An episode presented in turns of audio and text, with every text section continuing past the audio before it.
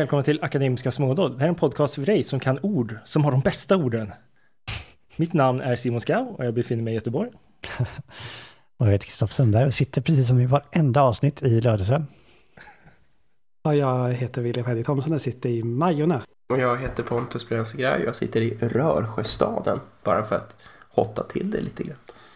Uh, ja, det var en bra start på vårt julavsnitt uh, idag. Mm. För vi kallar det här för vårt julavsnitt. Vi vet inte om vi kommer släppa det runt jul. Kanske. Uh, förmodligen det. Men anledningen anledning där vårt julavsnitt är för att Simon sätter upp uh, sina jul... Prilja, äh, pri, Säg julgran och pynta till julpynt och sånt uh, hemma uh, redan nu.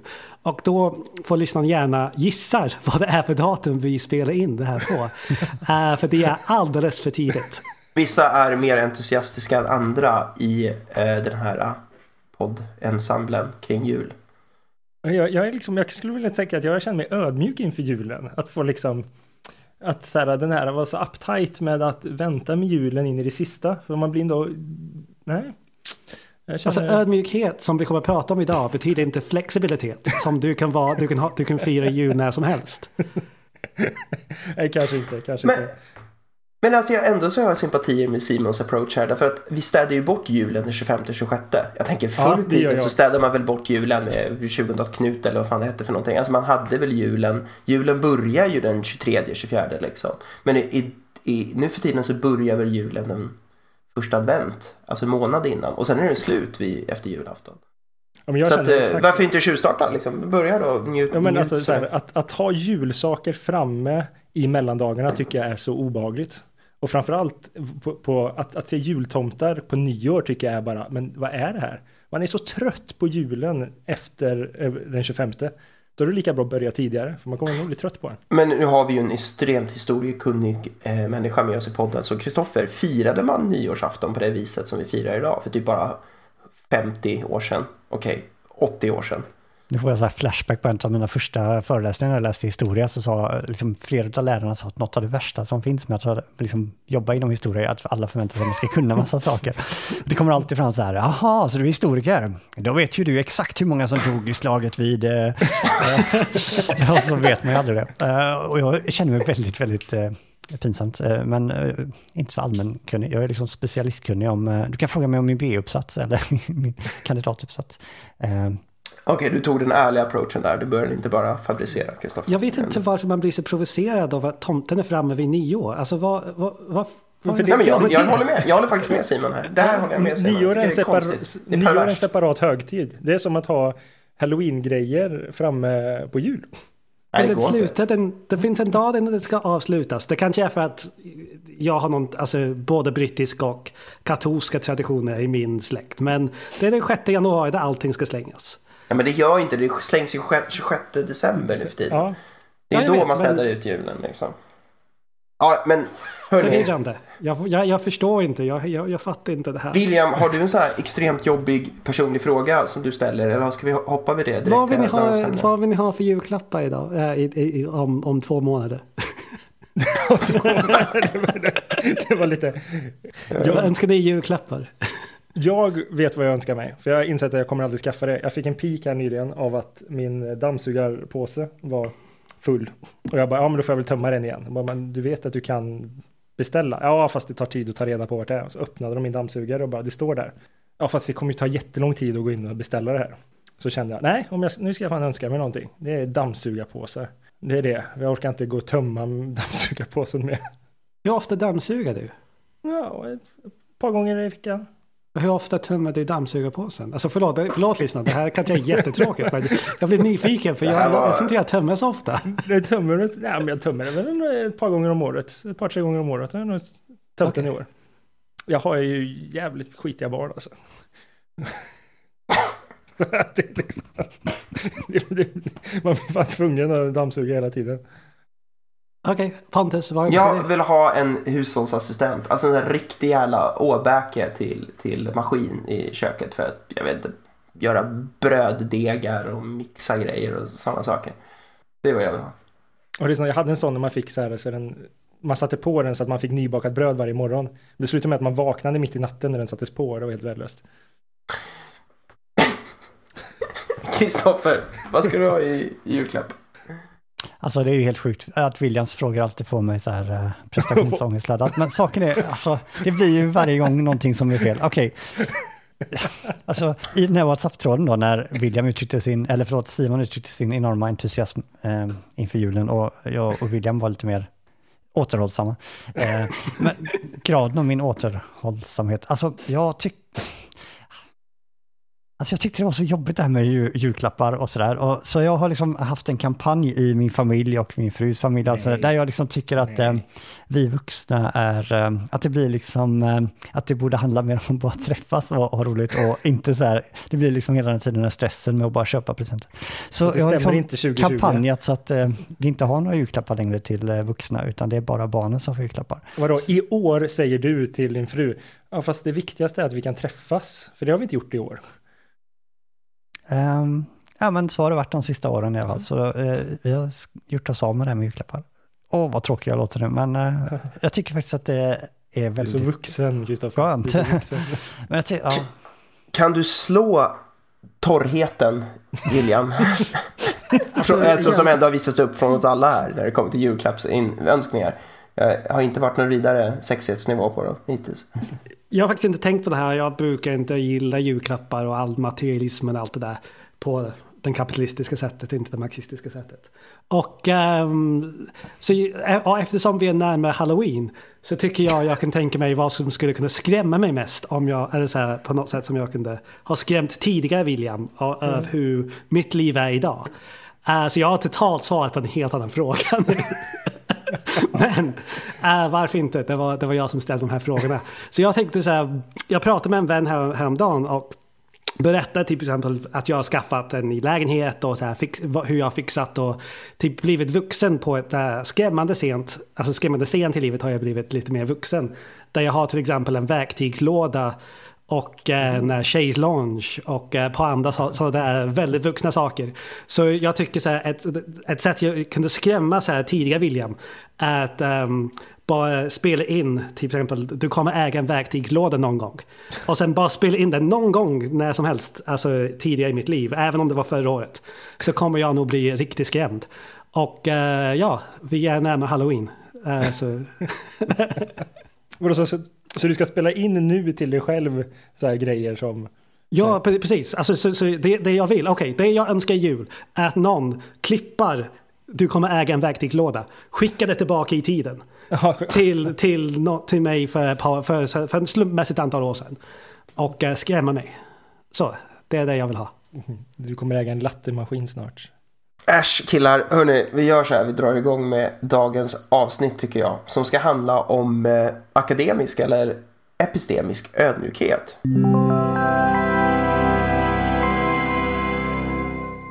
Ja, precis. Alltså epistemisk, epistemisk ödmjukhet.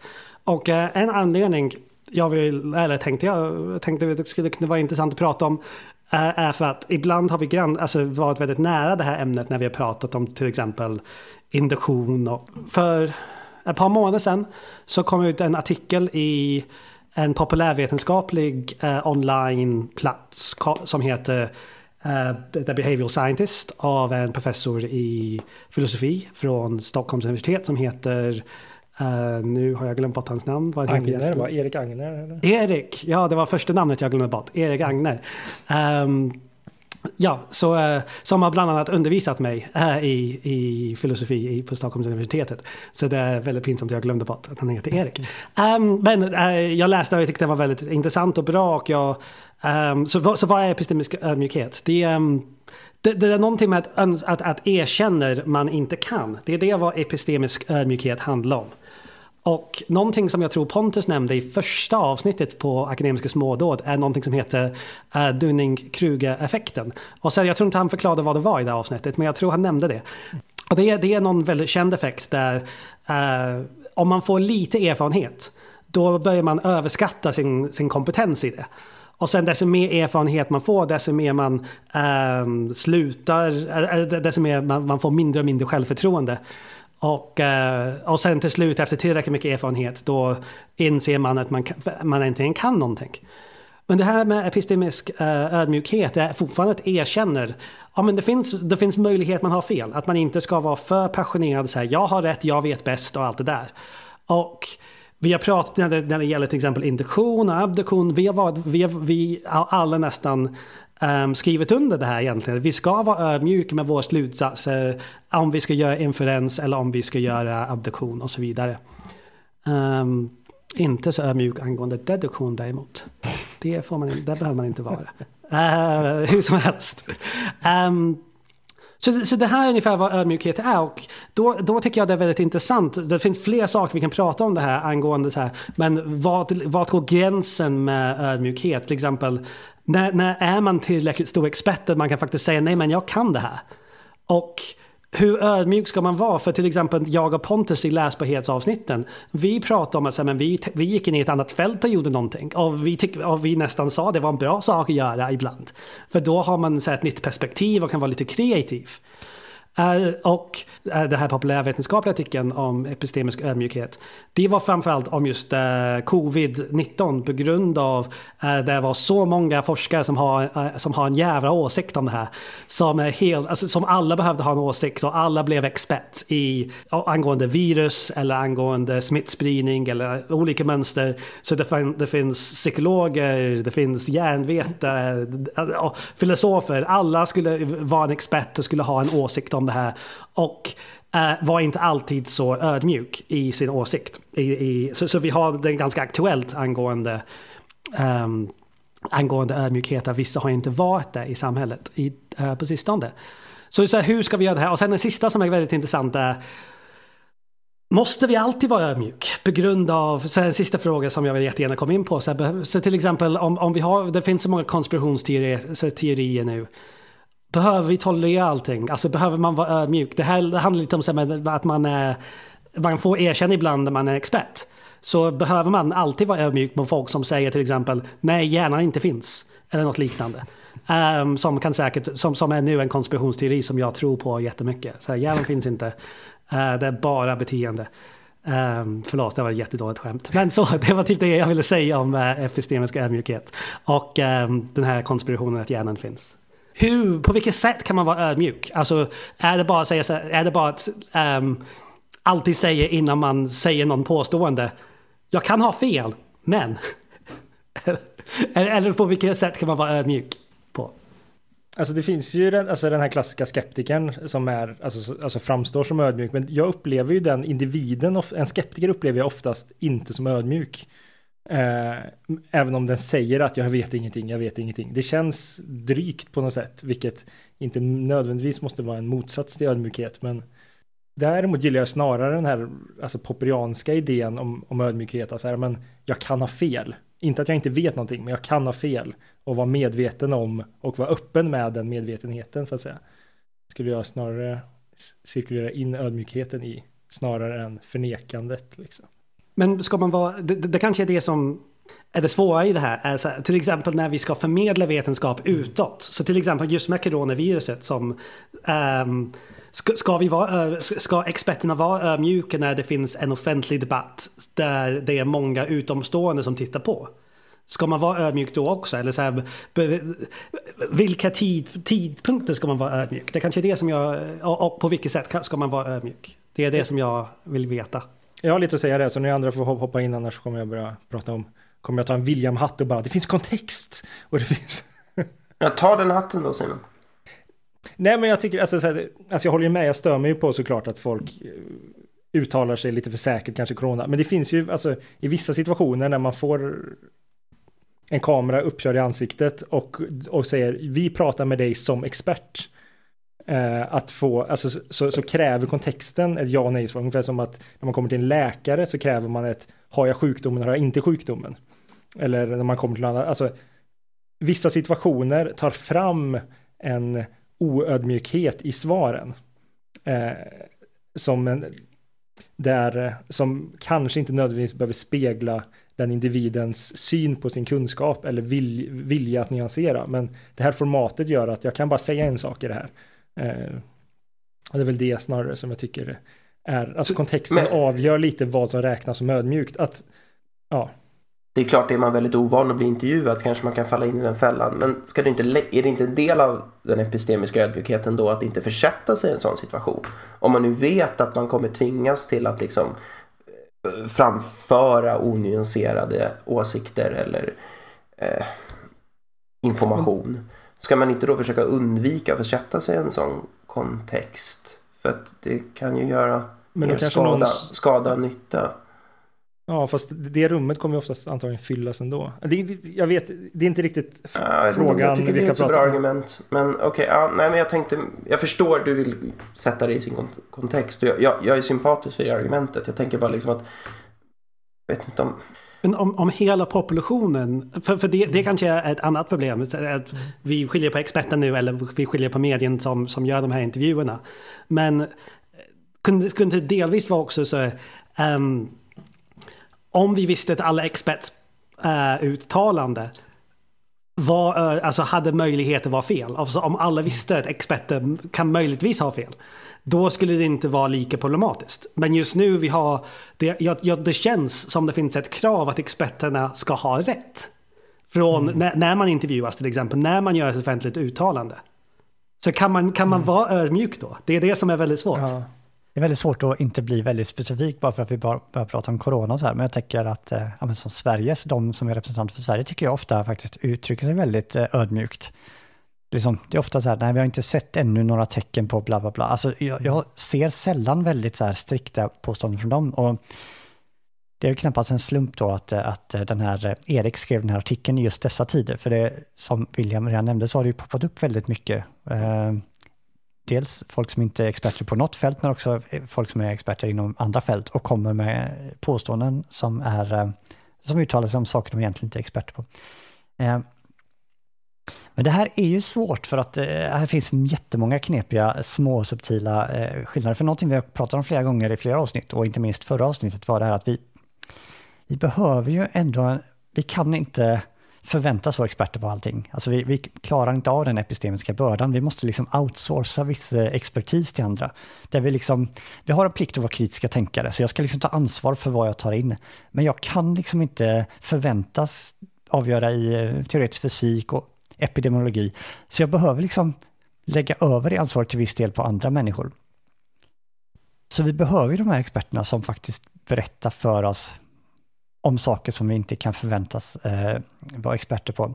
Så vi behöver experter, men hur ska vi då kunna avgöra vilka experter som är de riktiga experterna? I vissa fall så är det ju ganska enkelt. Då, kanske någon professor som är professor inom någonting helt annat, så kan vi kanske få en känsla av att ah, men det här verkar inte riktigt vara hens fält. Men ibland kan det vara lite lurigt, för vissa duktiga matematiker har väl ändå kunnat göra viss nytta, till exempel med, med corona. Och, och nu blir jag väldigt specifik, men kan man också tänka sig att de här epidemiologerna, de gör ett fantastiskt jobb och sitter inne på väldigt mycket kunskap. Men en del av de här besluten de tar får ju också politiska konsekvenser, ekonomiska konsekvenser, filosofiska, etiska konsekvenser för, som kanske snarare är filosofiska, alltså hur, hur bred är också deras kompetens? Vi, vi lyssnar på dem.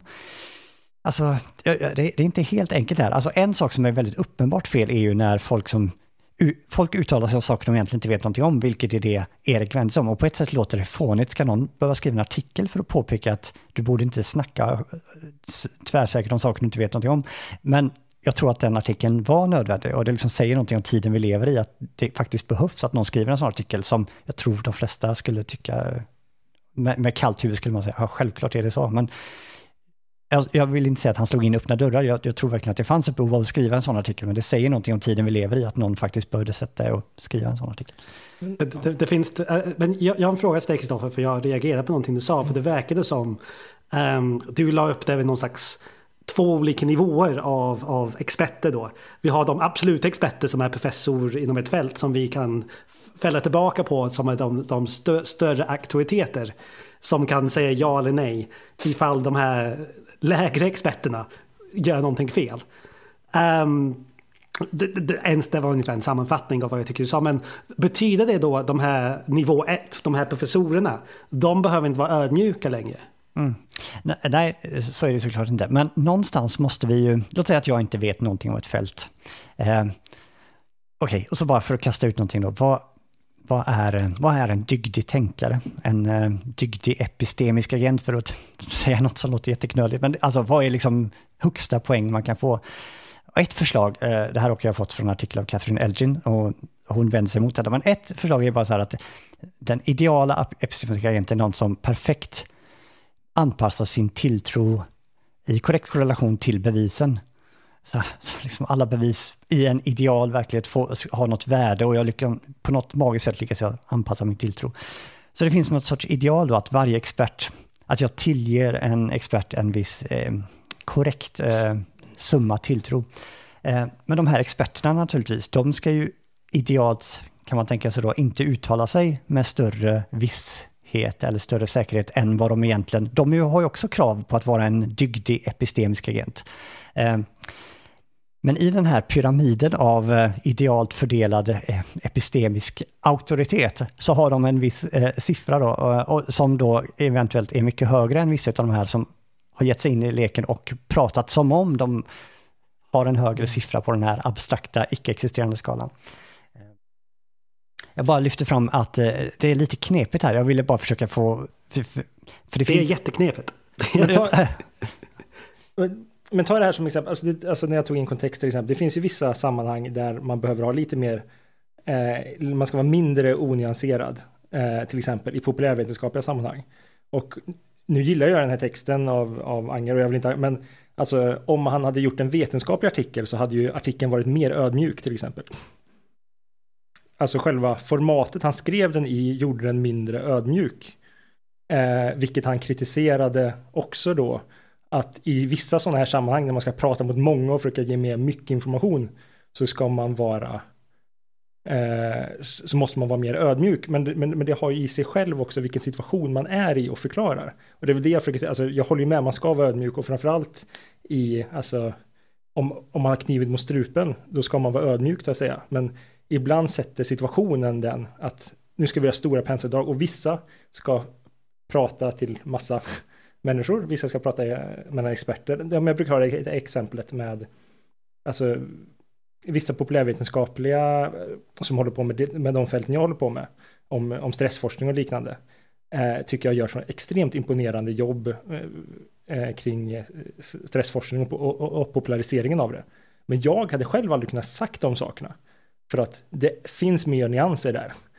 Men någon behöver kunna säga det som de säger utan att säga, ta upp nyanserna.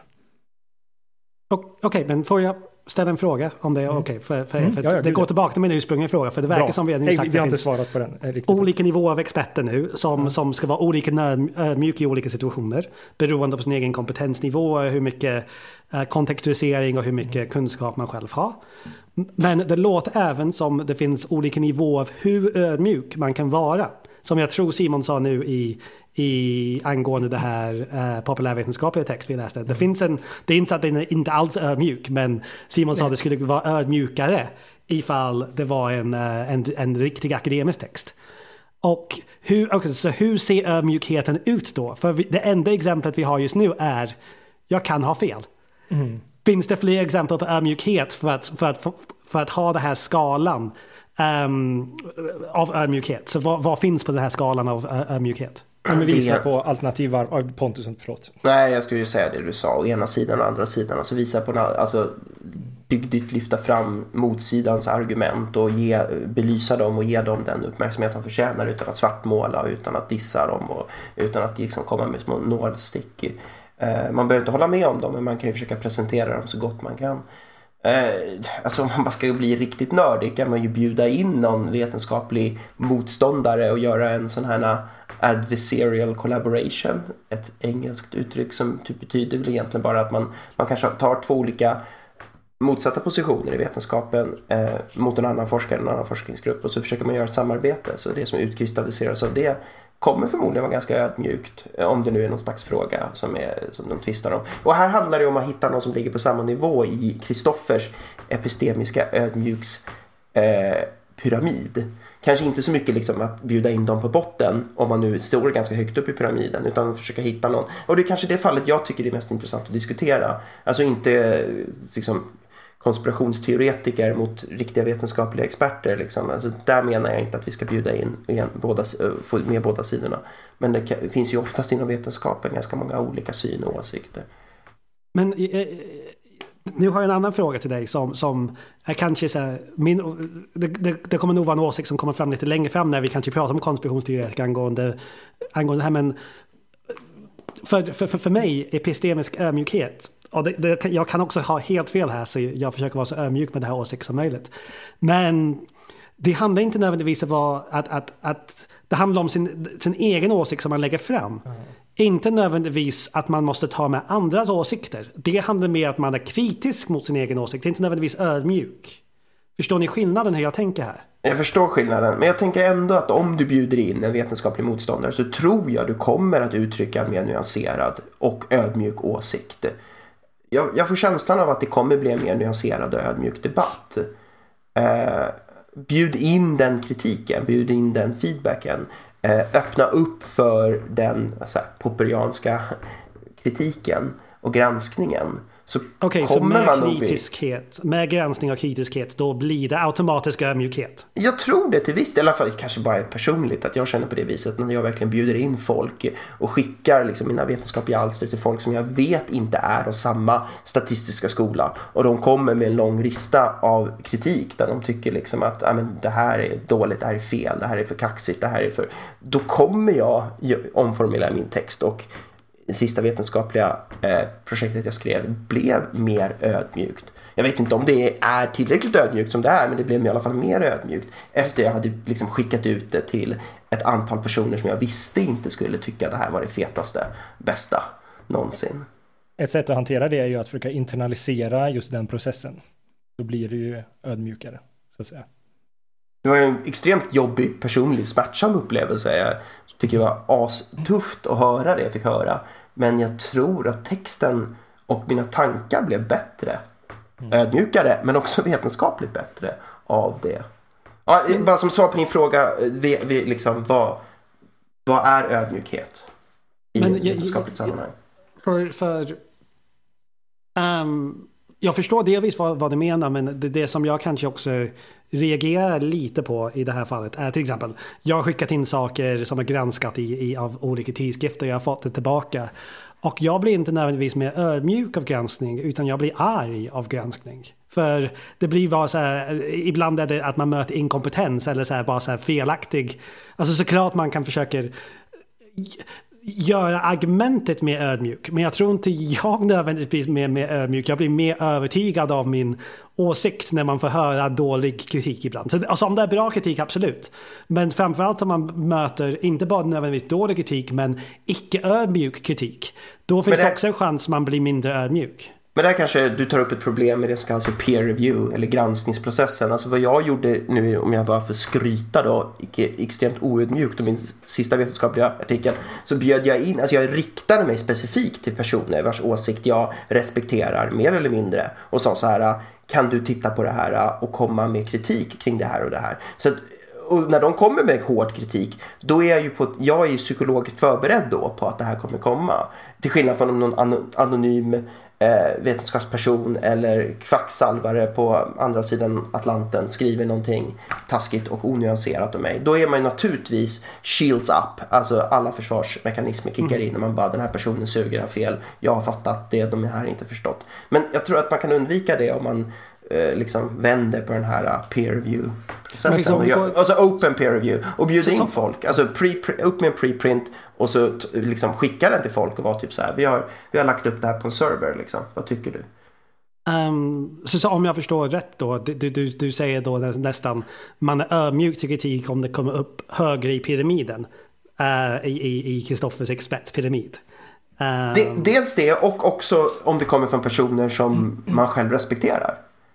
Okay. Och så man vet vilka det är, tror jag. Men visst, sure. Och, och man skickar väl det förmodligen bara till personer. Om man gör som jag gjorde nu, liksom en sån här riktad, en målinriktad eh, utskick, så, så gör man det förmodligen bara med personer som man faktiskt har, anser sig stå på samma ställe eller över en, den epistemiska pyramiden.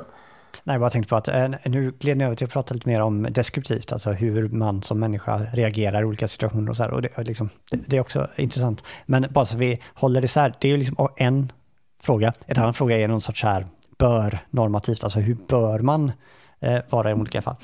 Jag har en tanke som jag har tänkt på ända sedan Simon pratade för länge sedan och jag vet inte riktigt om det blir ett sidospår eller inte, men jag, bara för att få in en annan vinkel så satt jag och tänkte på, bör man alltid vara ödmjuk? Eh, det här knyter också an till vad William nämnde som hastigast i monologen, att vi inte är ödmjuka när det gäller deduktion. Eh, Simon sa att Erik borde, eller hade varit mer ödmjuk om det var en eh, eh vetenskaplig text. Jag bara tänkte så här, eh, hur mycket är detta kopplat till empiri? Och så satt jag och tänkte så här, jag får eh, kanske ändra mig nu när jag får tänka högt lite, men min spontana känsla var att jag inte behöver vara ödmjuk när jag skriver filosofi. Va? Okej, okay, varför det? Är det för att filosofi är så himla säkert? Nej, kanske för att det är så uppenbart att ja, det här kan vara fel det jag säger. Nej. Alltså, eh, det är så uppenbart att vi, eh, att när jag gör en argumenterande text, liksom, behöver jag säga så här, ja, man, man skulle kunna argumentera emot det här. Det är klart, alltså det ligger liksom redan inbakat i. Eh, om jag skriver logik och deduktion eller matematik, behöver man vara ödmjuk då? Ja, på ett sätt. Jag menar, man kanske lämnar över sina matematiska bevis till en kollega. Kolla igenom detta så inte jag har gjort fel någonstans. Och liksom man, man publicerar en tidskrift och liksom de andra hoppar på och, koll, och skärskådar. Liksom. Det är klart att en sorts ödmjukhet i betydelsen att liksom man lämnar ut detta och liksom typ hjälp mig att kolla så att detta stämmer. Men på ett annat sätt så känns det som att det är en viss sorts ödmjukhet som ni efterfrågar som känns lite malplacerad när vi pratar om logik, matematik, till viss del även filosofi, men kanske av delvis andra skäl. Dels har vi den här logiska biten i filosofin också, men även så här normativa. Låt säga då att Erik pratar om att, han säger det sånt påstående som att folk borde inte uttala sig om saker de inte vet någonting om nu En väldigt ful översättning av vad han sa. Men ett sånt påstående behöver han vara ödmjuk där. Behöver han säga så här, ja det är klart jag kan ju ha fel, men jag anser att folk bör inte uttala sig om saker de inte förstår. Alltså ett sånt påstående, är det någonting man behöver vara ödmjuk, alltså det är väl snarare ett argument eller, alltså det känns fel här, det känns fel att knöka in samma sorts ödmjukhet här. Men absolut, men jag tycker du tog upp en väldigt intressant sak där. Bara så här, när kan du säga, ja men jag kan det här. Alltså, så till exempel, bara så att dra någonting jättesimpelt. Alltså, jag, jag gjorde ett lite skojigt exempel i monologen som kanske klipps bort. Så, men jag sa äh, att äh, hjärnan inte finns. Och ähm, såklart, jag är väldigt, väldigt säker jag kan dra den slutsatsen och säga hjärnan finns. Och jag kan gå ut, jag kan utan skuld gå till någon slags eh, lågstadieklass och undervisa dem att hjärnan finns i, i människor utan att jag tycker jag har ljugit till eh, skolbarn. Så eh, när kan vi dra den gränsen av säk att, att man kan gå ut skuldfri genom att vara bestämd och säker och icke ödmjuk? Här känns det som att det finns flera möjligheter att dra gränser. Ett sätt är ju att försöka ha en mer pragmatisk gräns. Att liksom någonstans, vi behöver experter, vi behöver folk som liksom säger A eller B. Och liksom, Ja.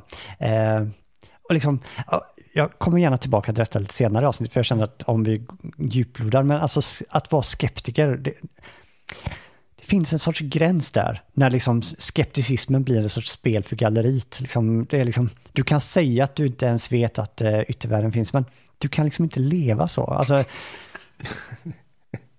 jag känner mig träffad. men jag skulle bara vilja ta upp en grej här ett sidospår. Jag tänker också att det är en skillnad på om Alltså, nu funkar ju inte det så jättebra med Tegnell, för han, han är ju ändå väldigt ödmjuk i sitt. Men alltså den rollen, jag kan tänka mig i andra länder, kräver en direkthet som, som kanske, alltså som, som rollen kräver ett svar som individen inte skulle säga. Och jag kan, jag, jag kan tänka mig situationer där, alltså om en forskare till exempel skulle prata som jag forskaren då är man lite mer ödmjuk kanske. Medan jag som populärvetenskaparen eller jag som policymakern eh, när jag tar den rollen, när jag inte pratar som mig som individ utan mig som ett fält snarare. Eller alltså mig som, jag som representant för ett fält, då blir det inte lika ödmjukt.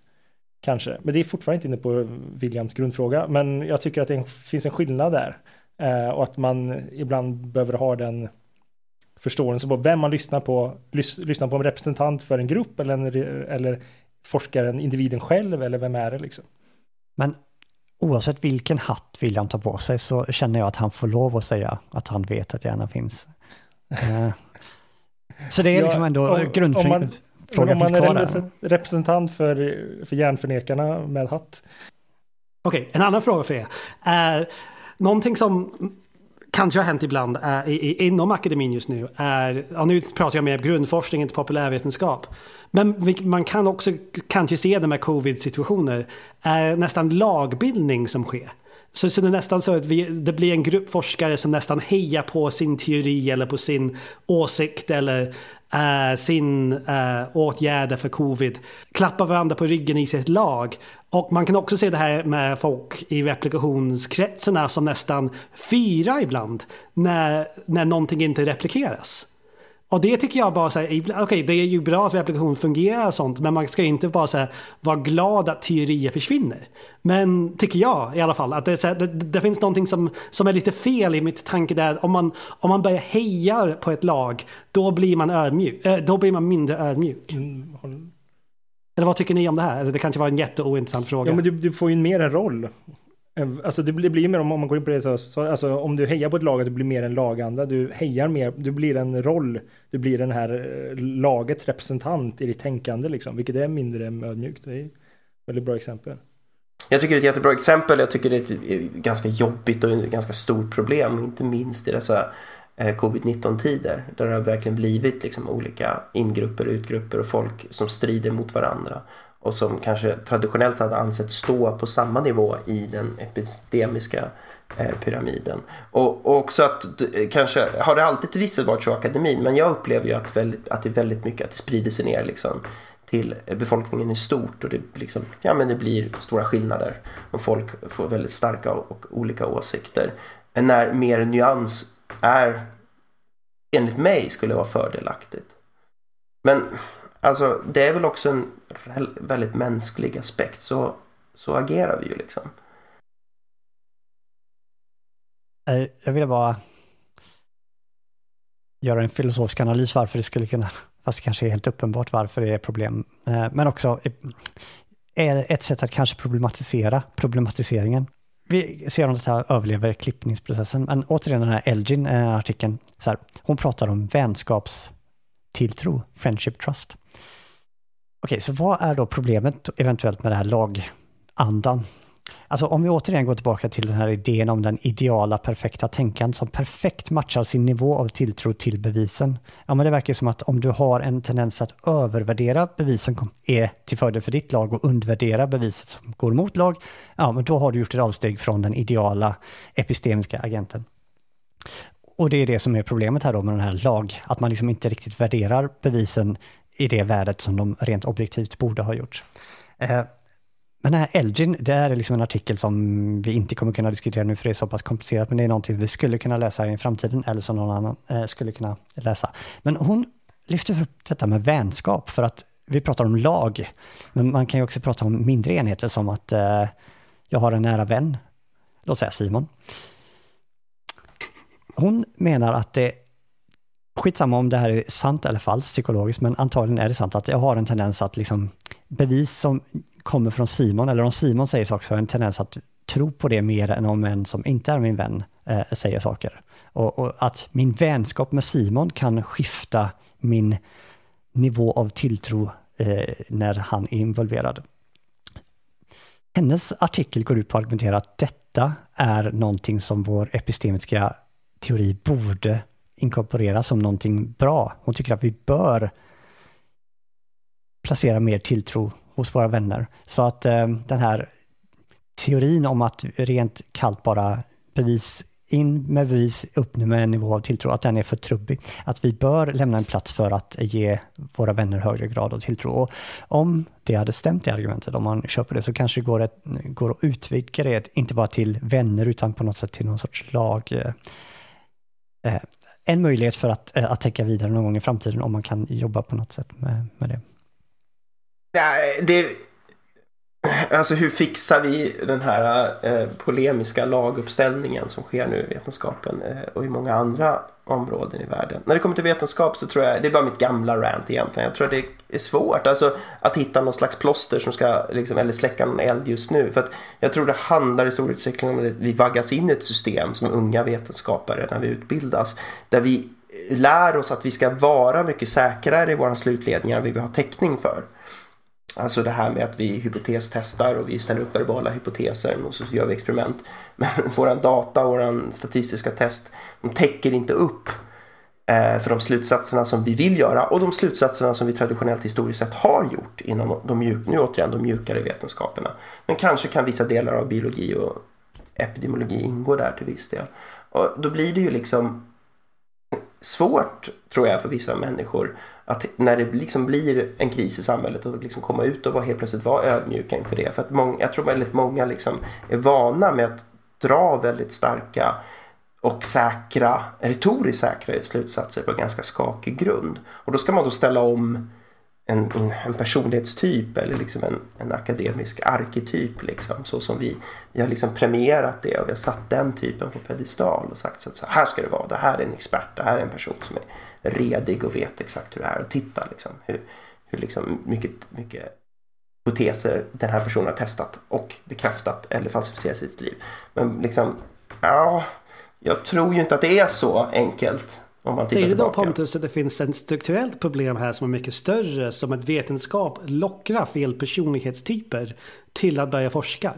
Ja, det vet jag inte. Kanske kan det vara på det viset. Snarare påstår jag nog att vi vaggas, har vaggats in i ett system. Alltså, okay. alltså jag vet inte vilka som kom, vad selektionsprocessen in i vetenskap är. Den kanske är problematisk. Det har jag inte tänkt så mycket på. Men även om vi låtsas att det är carte blanche som går in så tror jag liksom att vi fyller personer inte alla, inte alla fält, inte alla universitet, men att det finns en, helt klart en tendens att fylla personer med en mycket större tilltro och säkerhet um, till, till liksom fakt, den fakta, de hypoteserna vi testar. Och, och, och, det, blir, det blir ett problem nu när, liksom det, när ett fält går ut i offentligheten på det här viset.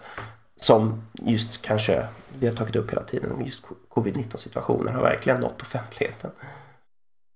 Jag bara tänkte där, apropå strukturellt, det finns kanske en mer positiv anledning till att vissa vetenskapspersoner har svårt att vara ödmjuka.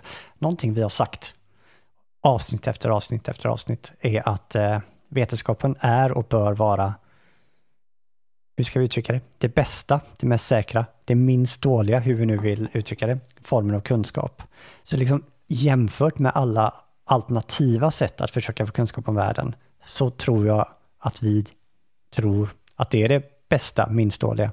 Så att liksom, vi, och det, det har väl ibland när vi pratar om det här med vad är vetenskap, så kommer det, äh, detta in också. Det är vår bästa, minst dåliga sätt. Så, så liksom i det här så ligger det ju, jämfört med alla andra alternativ, så finns det en viss berättigad kaxighet. Eh, alltså, så, så, då finns det kanske ett sorts tryck att ja, om alla andra som kommer och tycker om det här, som inte har någonting att stå på, och så kommer jag med min enorma kompetens, alltså kanske en viss frustration, eh, att jag menar, att, att jag har gjort mig förtjänt av en viss form av kaxighet. Ehm, jag, jag menar, så att i, inbakad i vad vi tror att vetenskap är, så ligger det liksom en push att kanske det här är bättre än andra försök att uttala sig.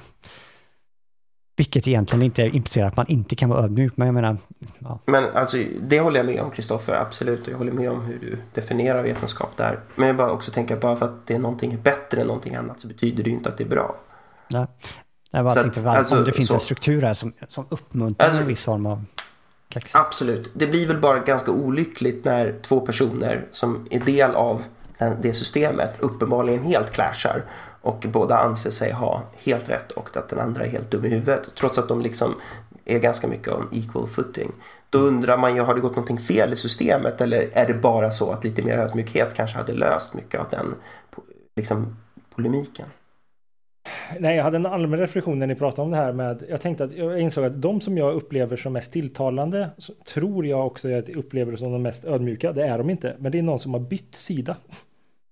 Eh, ett, alltså någon som var kunian och blev poprian, eller tvärtom blev poprian och blev konian, Då lyssnar jag på den för att jag liksom har en, en tro att den personen har helhjärtat för, liksom förstått båda sidorna på något sätt. Alltså han behöver liksom, hen behöver inte säga mer än att så här, ja, jag var, eh, jag var moderat i 20 år och nu är jag vänsterpartist.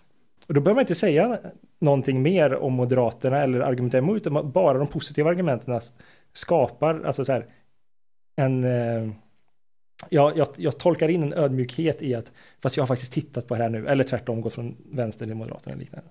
Jag håller inte med dig nu alls Simon, för jag tycker de människor är de mest minst ödmjuka människor som finns och de stör mig jättemycket. Okej, får jag försvara Simon då? Varför det skulle nej, men, nej, jag kan ge ett exempel på, för det finns de som till exempel som jag, som jag träffade flera gånger, alltså under hela, massa olika studier, det finns en teori. Vi säger någon som gillar Hume.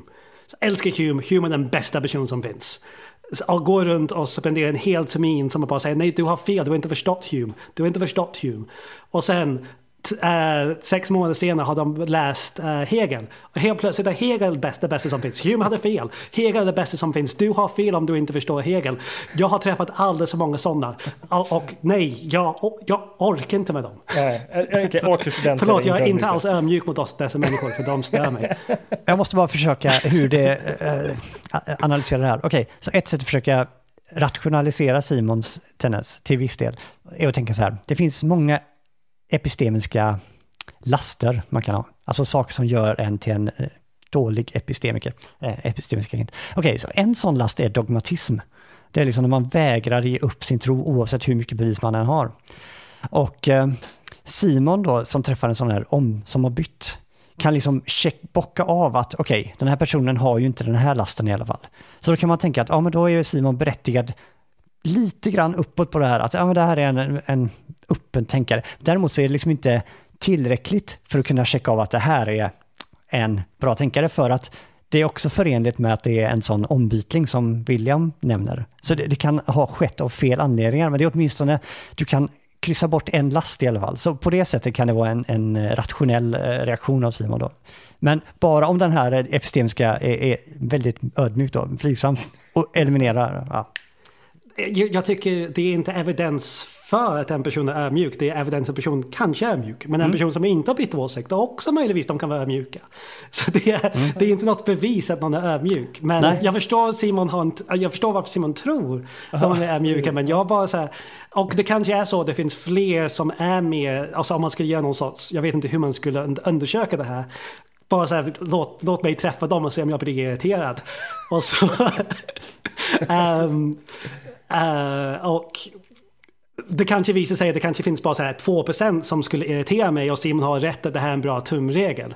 Men uh, jag, jag, är inte 100%, jag är inte övertygad på tumregeln. Men, men kör på den Simon. Ja, nej, jag, det var mer än så här, jag insåg att oj, jag reagerar så. Men jag insåg när jag beskrev det att det liksom inte fanns.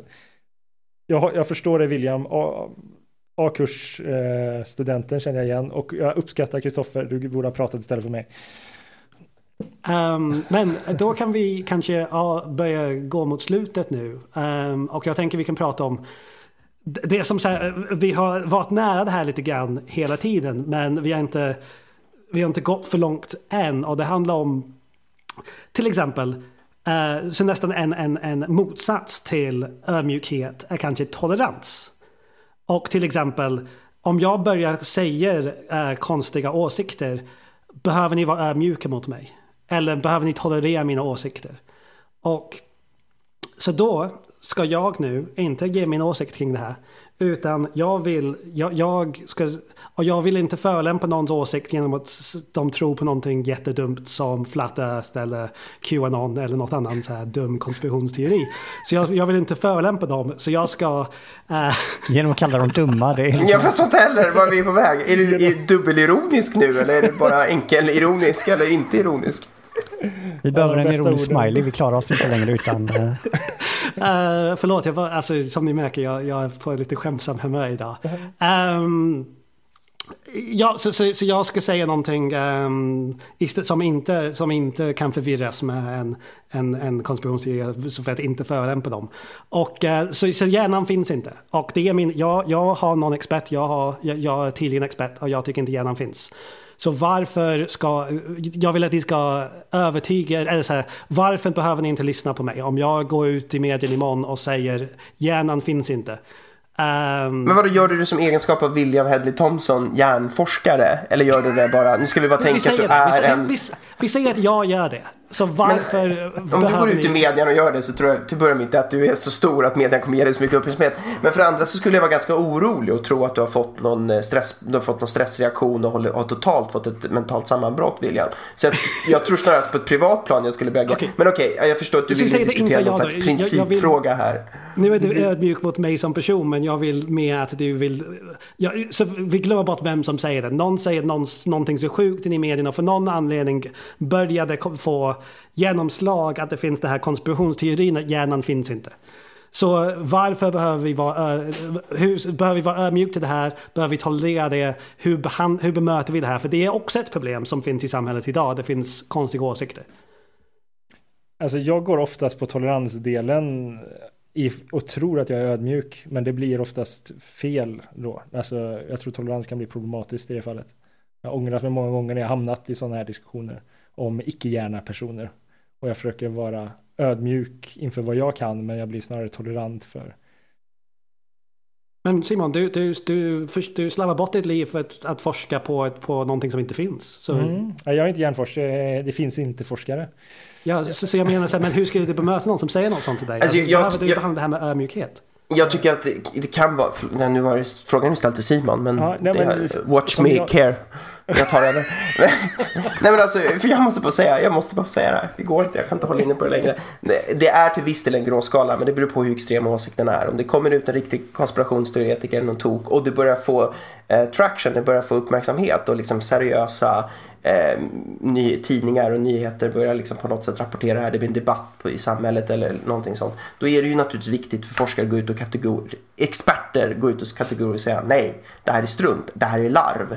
Det är ingenting annat. Alltså, och eh, kanske inte heller så här, engagera sig och ta debatten allt för mycket utan bara gå ut och kategoriskt säga liksom så här, nej men det här, det här är bara larv. Jag tycker det är ganska viktigt att göra. Återigen, helt beroende på vad det är för typ av åsikt, konspirationsteori som, som, som läggs fram.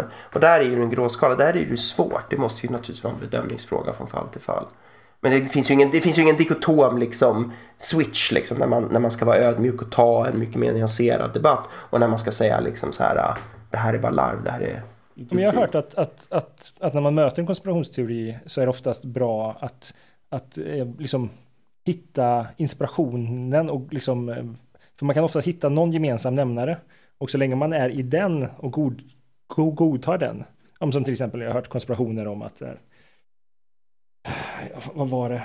Nu går jag ifrån ditt exempel, men till exempel att säga, ja men eh, eh, svenska statens ägs av Nike. Alltså Nike har köpt regeringen liksom. De äger dem. Ja, och, och, och, och, då kan man ju tycka, du är dum i huvudet. Men så kan, så kan man ju börja säga, ja det finns ju politiker som kan bli köpta.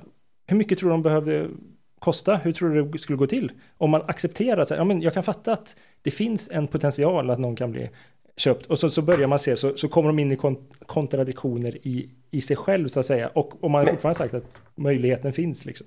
Jag tror vi diskuterar två olika, till viss del två olika saker här. För jag tror du pratar lite grann om hur ska man prata med en konspirationsteoretiker. Kanske få den personen börja ifrågasätta och kanske alltså rädda. Alltså hur ska, en psykolog, hur ska man göra psykologiskt för att eh, om man har en vän till exempel, en bekant eller någon som liksom håller på med konspirationsteorier. Nu menar, jag tror att jag syftar lite mer på vad gör vi om en konspirationsteori börjar fästa sig i samhället.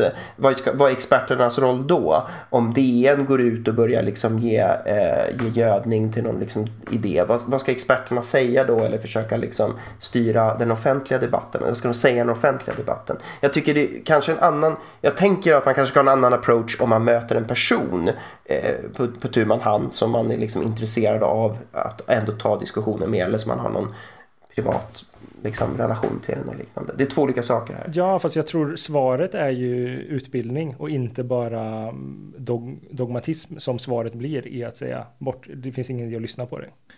Alltså det är egentligen samma svar i slutändan. På något sätt försöka prata med de här. Jag tror att eh, hemligheten är att förstå vad, vad för sorts ödmjukhet vi pratar om. Och jag tror här också är faran med hur man på ett sätt så kanske vi skulle haft den här diskussionen allra först inser jag nu. För att just det här att vi hela tiden pratar om att forskare bör vara ödmjuka. Det skulle kunna, inte för våra briljanta lyssnare såklart som är så otroligt skärpta, de missförstår inte, men svagare själar, som de uttryckte det i så gamla böcker, skulle kunna, jag tror det Descartes säger väl så, eller något sånt, eh, mm. skulle kunna tro att det är liksom en abdikation från eh, och säga att nej, jag vet ingenting. Jag har läst det här i 20 år och nej, jag vet ingenting. Alltså det är bara en teori så här. Det är inte det vi menar med ödmjukhet såklart, utan det handlar om att inte säga ge, inte, inte låtsas ha större grad av visshet än vad man faktiskt har eh, fog för. Och saken är att det där är helt kompatibelt med att det är så otroligt mycket bättre än alternativ. Det betyder inte mm. att vi kastar upp händerna och säger nej, ja, jorden är platt, ja det är ju också en teori och kreationism, det är också en teori och här är min teori, det är ju bara också bara en teori. Alltså det betyder inte att vi värderar teorier på samma nivå. Vi kan ha en väldigt hög graderad säga att de där är väldigt mycket sämre. Och här, min teori är så mycket bättre av de här och de här skälen.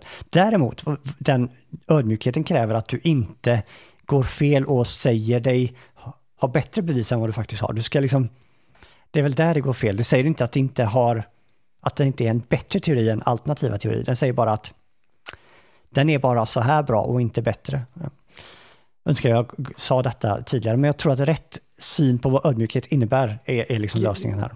Det här är typ vad jag ville komma fram till. Uh, precis, jag är jätteglad. Okay. För, för mitt, mitt, det var någonting jag syftade tillbaka till, så vi, vi kanske kommer fram till det här senare. Och, då, um, och jag är jätteglad ni kom dit. Uh, så min fråga är till er då, är, är ödmjukhet, för det är precis den här frågan jag vill typ avsluta med, eller så här, vi, vi skulle komma fram till. Är ödmjukhet då, handlar det enbart om det som ehm, um, epistemisk ödmjukhet då, om vad forskaren uh, själv lägger fram? Och man behöver, och epistemisk ödmjukhet handlar inte nödvändigtvis om vad andra producerar. Vi, alltså man kan vara ödmjuk på ett sätt. Alltså man kan vara ödmjuk mot sina kollegor, man kan vara ödmjuk. Um, uh, uh, men när man handlar epistemisk ödmjukhet då enbart om vad man själv lyfter fram. Och vad man själv säger för påståenden. Alltså min egna tanke här är bara att eh, det, idealet som man borde sträva efter är ju att vara precis lika ödmjuk hela tiden. Alltså, det betyder att man aldrig ger högre epistemiska poäng än vad man har fog för, oavsett vad det gäller liksom vad man själv lägger fram eller vad man fäster för tilltro till vad andra har sagt eller filosofiska teorier. Att det, liksom, borde, att det handlar om hela ens epistemiska liv helt enkelt. Att aldrig, idealet är att aldrig gå för långt eller gå för långt ner. Men, men det, så som vi har pratat nu så låter det som att det bara handlar om att hur, när jag lägger fram mina resultat ska jag vara ödmjuk. Men jag antar att egentligen är det en sorts eh, Oh, jag vill inte säga livsfilosofi, för jag, jag, tycker det är jobbigt när folk använder ordet filosofi i den betydelsen, men alltså en sorts livsinställning eh, ser jag det som kanske. Jo, men, till, alltså, mm. men ett exempel hur man kan vara ödmjuk utanför just när man lyfter fram sina resultat i sin roll som akademiker är ju till exempel om man undervisar att man förstår att det finns um, olika nivåer, alltså att, att vad man själv kan är annorlunda än vad eleverna eller studenterna kan.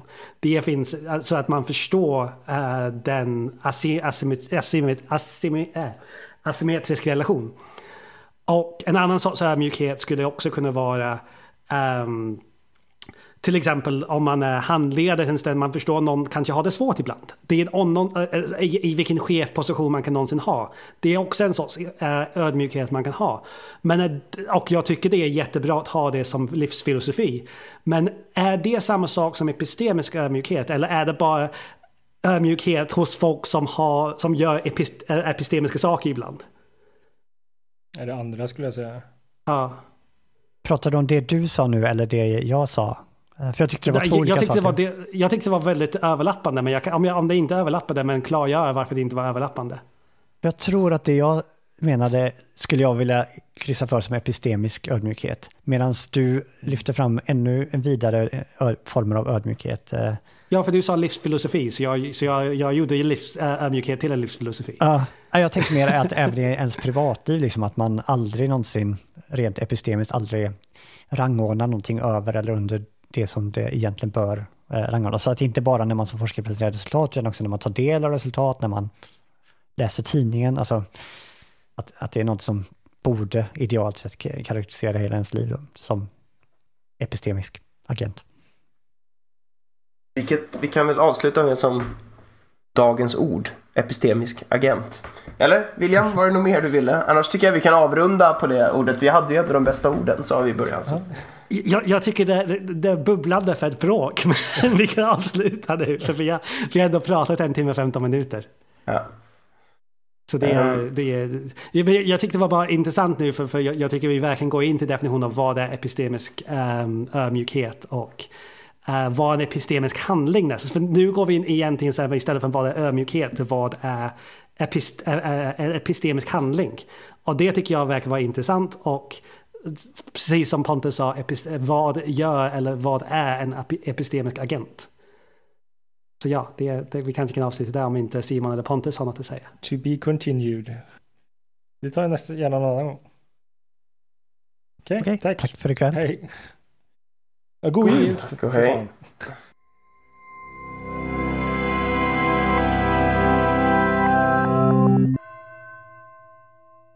Alltså, jag förstår inte riktigt vad, för vi kan ju definiera vad vi vill. Alltså, eh, är det, är det en som är, är det rätt och en som är fel? Eller liksom om, det borde ju vara helt, alltså så här, med epistemisk ödmjukhet så menar jag det här och så kommer det någonting och så säger du nej, jag menar snarare det här.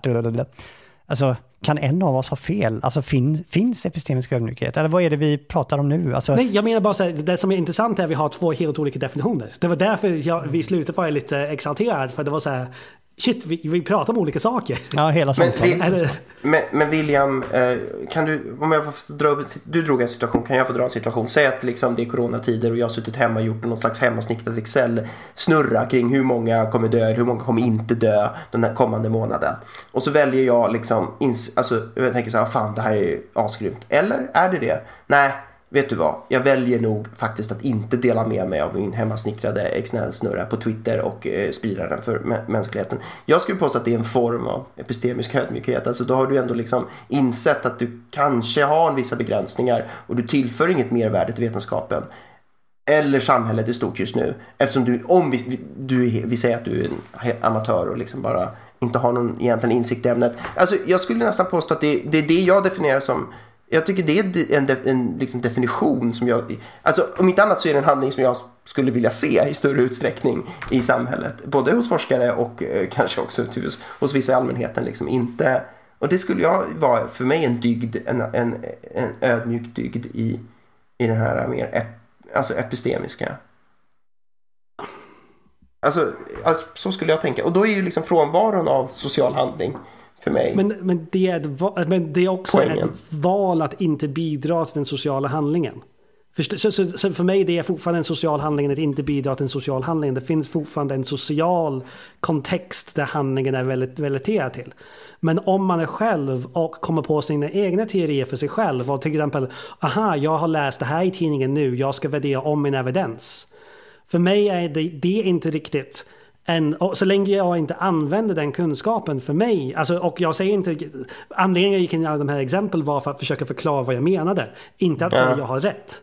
Uh, men vi har olika, och det var det som jag tyckte var intressant, att jag, tycker, jag har det här idén av eh, det, att ödmjukhet har det här social interaktion. Att det är när man börjar, när man pratar om informationsbyter mellan olika agent, epistemiska agenter. Jag, jag, det, blir väl, det, blir väl, det blir väl mer intressant då, men jag tycker nog att det kan förekomma i frånvaro av alltså, två Det har agenter. ju med den epistemiska ontologin här i slutändan. Alltså, alltså om man pratar om kunskap, alltså man pratar om kunskap, är det någonting som en individ har, hur man förhåller sig till det, eller om man pratar om kunskap som information snarare.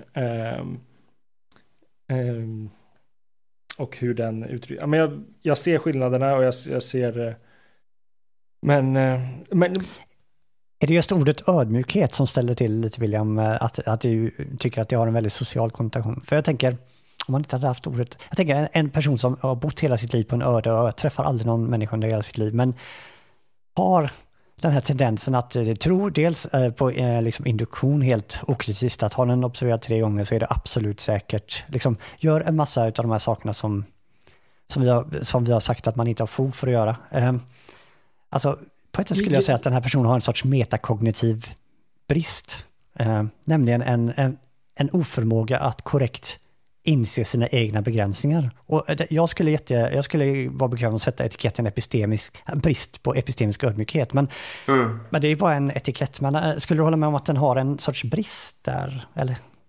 Nej, möjligtvis en brist, men jag skulle säga det, alltså du har andra begrepp för det som metakognition eller till exempel självreflektion. Och jag tycker det, det, de behöver inte, de verkar överlappa väldigt mycket med epistemisk ödmjukhet i det här fallet. Och, och, och um, de sammanfattar, så jag tycker och det, och det verkar annorlunda än just det här kommunikationsbiten för mig. Alltså det, det, verkar inte vara samma process i alla fall. Jag tycker med, med de processer som du, som ditt exempel just nu, verkar fånga upp en annan process. Och det är okej, okay, man kan kalla det för någon sorts ödmjukhetsprocess. Men för mig är det en annan sorts kategori av processer som jag tyckte var där man, där man var epistemiskt ödmjuka.